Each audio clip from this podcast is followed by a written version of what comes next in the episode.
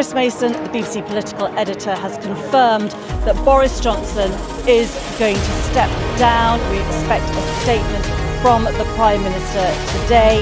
Uh, he will serve as Prime Minister.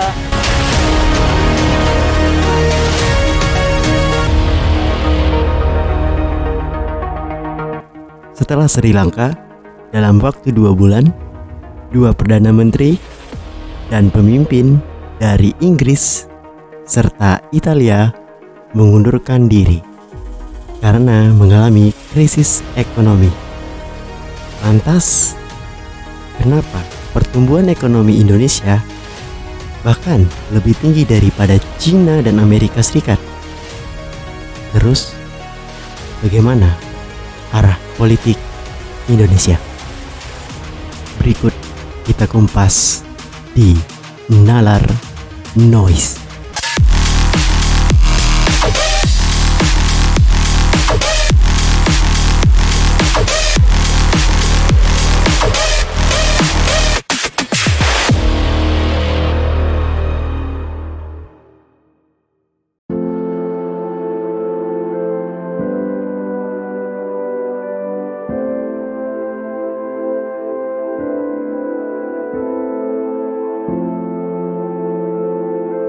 Ini menarik. Setelah enam bulan perang Rusia Ukraina, kebijakan Amerika Serikat mulai memakan korban. Setelah Sri Lanka di kudeta oleh masyarakatnya, sekarang ada Perdana Menteri Inggris yang rambutnya tidak disisir itu dan juga Perdana Menteri dari Italia mengundurkan diri Lantas, mereka mengundurkan diri karena apa? Karena krisis yang terjadi di negaranya. Perdana Menteri Inggris yang tidak sisir rambut itu bahkan didesak oleh parlemen untuk mengundurkan diri karena beberapa keputusan dan kebijakan yang salah. Begitu juga dengan Italia setelah negara tersebut masuk ke jurang krisis ekonomi, banyak sekali parlemennya meminta untuk Perdana Menteri itu mundur. Hmm, akhirnya sekarang kita melihat bagaimana keputusan dari Joe Biden tentang memberikan sanksi terhadap Rusia memakan korban. Apakah Putin menang?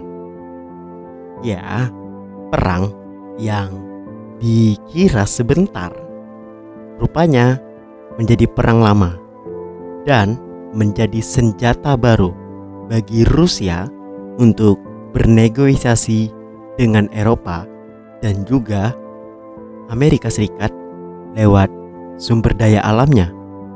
Setelah pipa gas Rusia malah ditutup oleh Rusia menimbulkan kepanikan di Eropa. Hmm, ini strategi politik dari Putin. Mungkin kalau Cina jadi menyerang Taiwan, gimana ya? Apa Asia akan kacau? Entahlah.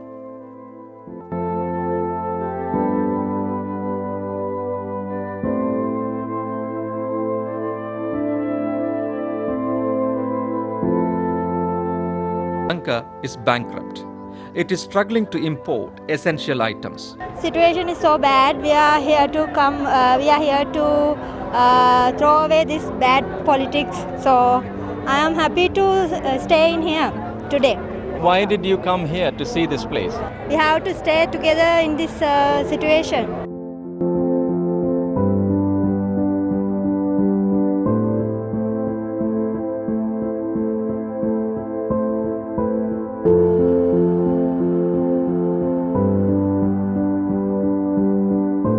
Eropa mengalami krisis dan dunia juga mengalami krisis yang sangat besar. Bahkan Singapura mengalami inflasi sebesar 5%. Apalagi Malaysia mengalami inflasi sebesar 3%.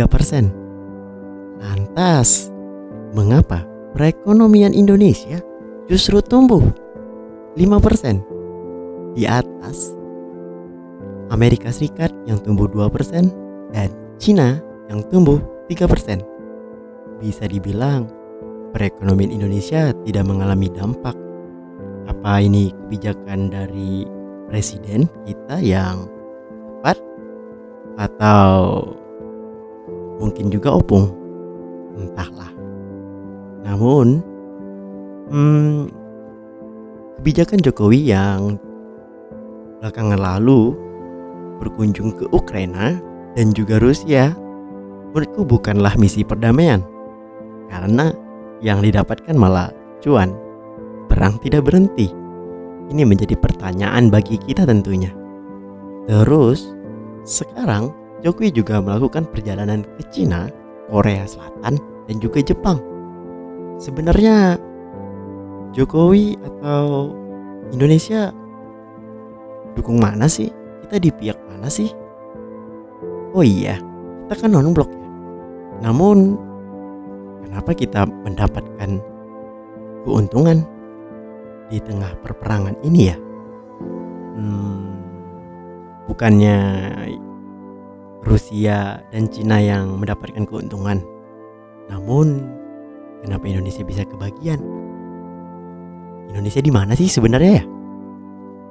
Entahlah, tebak aja sendiri.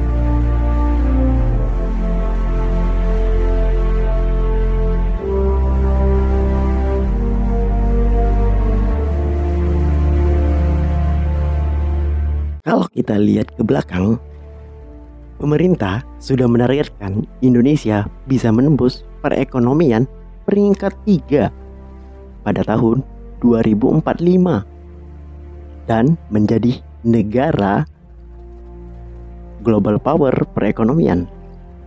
Mungkinkah kalau kita tengok sekarang, mungkin saja itu akan terjadi ya.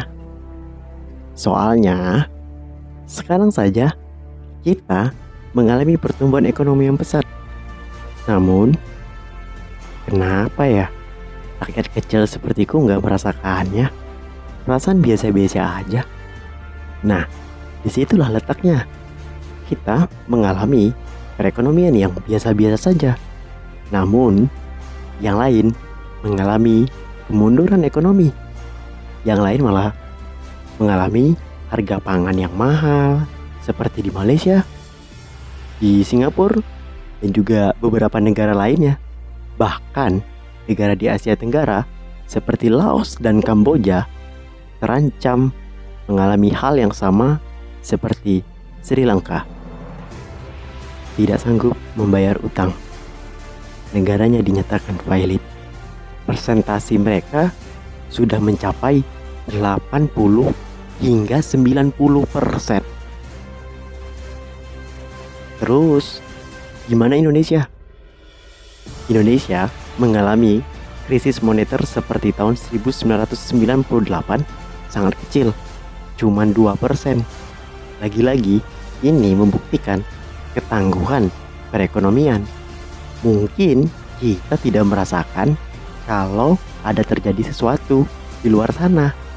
Itulah yang membuat ya sebenarnya kita tidak bertumbuh juga cuman jalan di tempat namun yang lain udah jatuh.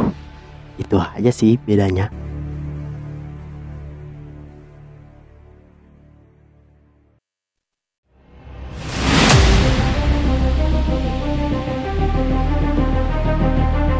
Jadi ada baiknya kita ambil itu program Green New Deal ala Indonesia. Kita akan printing money untuk membangun ala New Deal Amerika di tahun 33 dan 36 seperti Tiongkok tahun 1989 sampai 2009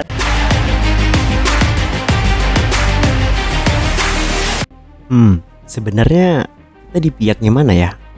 Menurutku, kita masih mempertahankan ideologi negara kita untuk menjadi negara non-blok bebas aktif. Hmm, ya, kita masih dekat dan mencoba untuk mendapat tuan dari Cina serta kita juga masih mencoba untuk tidak menyakiti perasaan Amerika Serikat. Artinya ya kita masih non-blok. Namun bagaimana ya? Hmm, aku punya prinsip lain tentang pendapat dari Bosman yang mengatakan Indonesia kalau mau sukses ya harus money printing. Namun mempunyai nalar berpikiran yang berbeda dan aku melihat pemerintah melakukan ini. Oh, menurutku kita juga melakukan money printing. Namun dengan cara kita meminjam dulu kepada Cina, kepada Amerika. Gunanya apa? Gunanya untuk tidak eh, mengalami kecurigaan atau kita juga bisa menarik uang-uang mereka datang ke kita dan kita mendapatkan perlindungan jika terjadi perang. Tidak mu- ya, mereka menginvestasikan dana mereka ke kita. Otomatis dua-duanya tidak ingin menyerang kita karena kita, kita menjadi tabungan dana mereka atau tabungan di mana ketika mereka terjadi perang dan clash ya kita adalah sumber pemasukannya mungkin itu ya pemikiran pemerintah hmm, terus money printingnya di mana? Nah ketika kita membayar kita mungkin kita pasti akan membayarnya. Di sinilah kita melakukan sistem money printing. Money printing di sini ya kita mencetak uang untuk membayar jika kita tidak sanggup. Nah uang atau dari keuntungan dari mereka tetap kita bakar atau ya kita buang uangnya. Inilah mungkin kenapa sebab pemerintah mengurangi uang yang beredar uang yang beredar di masyarakat harus dikurangi Hmm, mungkin juga ya ini penyebab dari Mei pertama eh Mei Pertamina karena uang di dalam elektronik lebih mudah dikontrol dan dihilangkan. Jadi permainan pemerintah menurutku sedikit halus. Kalau menurutku, aku juga tidak tahu yang mana yang benar. Hmm, kalau Bosman bilang, ya kenapa kita harus berpinjam? Menurutku dengan cara kita meminjam uang, kita eh, lakukan permainan yang cantik, membuat eh, Amerika dan juga Cina tidak sadar dengan permainan kita. Dan sistemnya tetap sama. Kita membangun namun kita memakai uang orang. Kita bayar money printing. Dan uangnya tetap kita hanguskan atau uang keuntungan tetap kita hanguskan supaya kita tidak mengalami inflasi. Itu kan konsepnya. Kalau bedanya kita bangun aja pakai uang money printing. Untungannya kita bakar. Kalau ini enggak kita putar dulu uangnya. Itu saja kok. Nah kalau di sini itu sih pendapatku. Kalau kalian mengal merasa berbeda ya apa-apa ya? Ian ini hanya sebuah opini nggak tahu juga benar atau tidak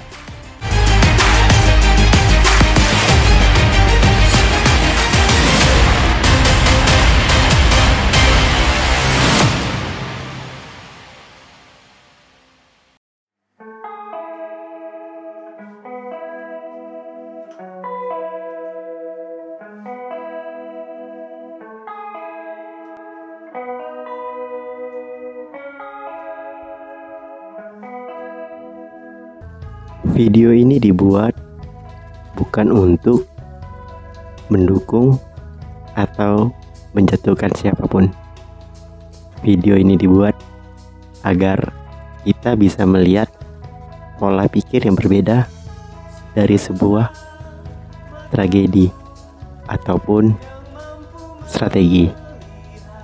Kita harus bisa membebaskan nalarnya.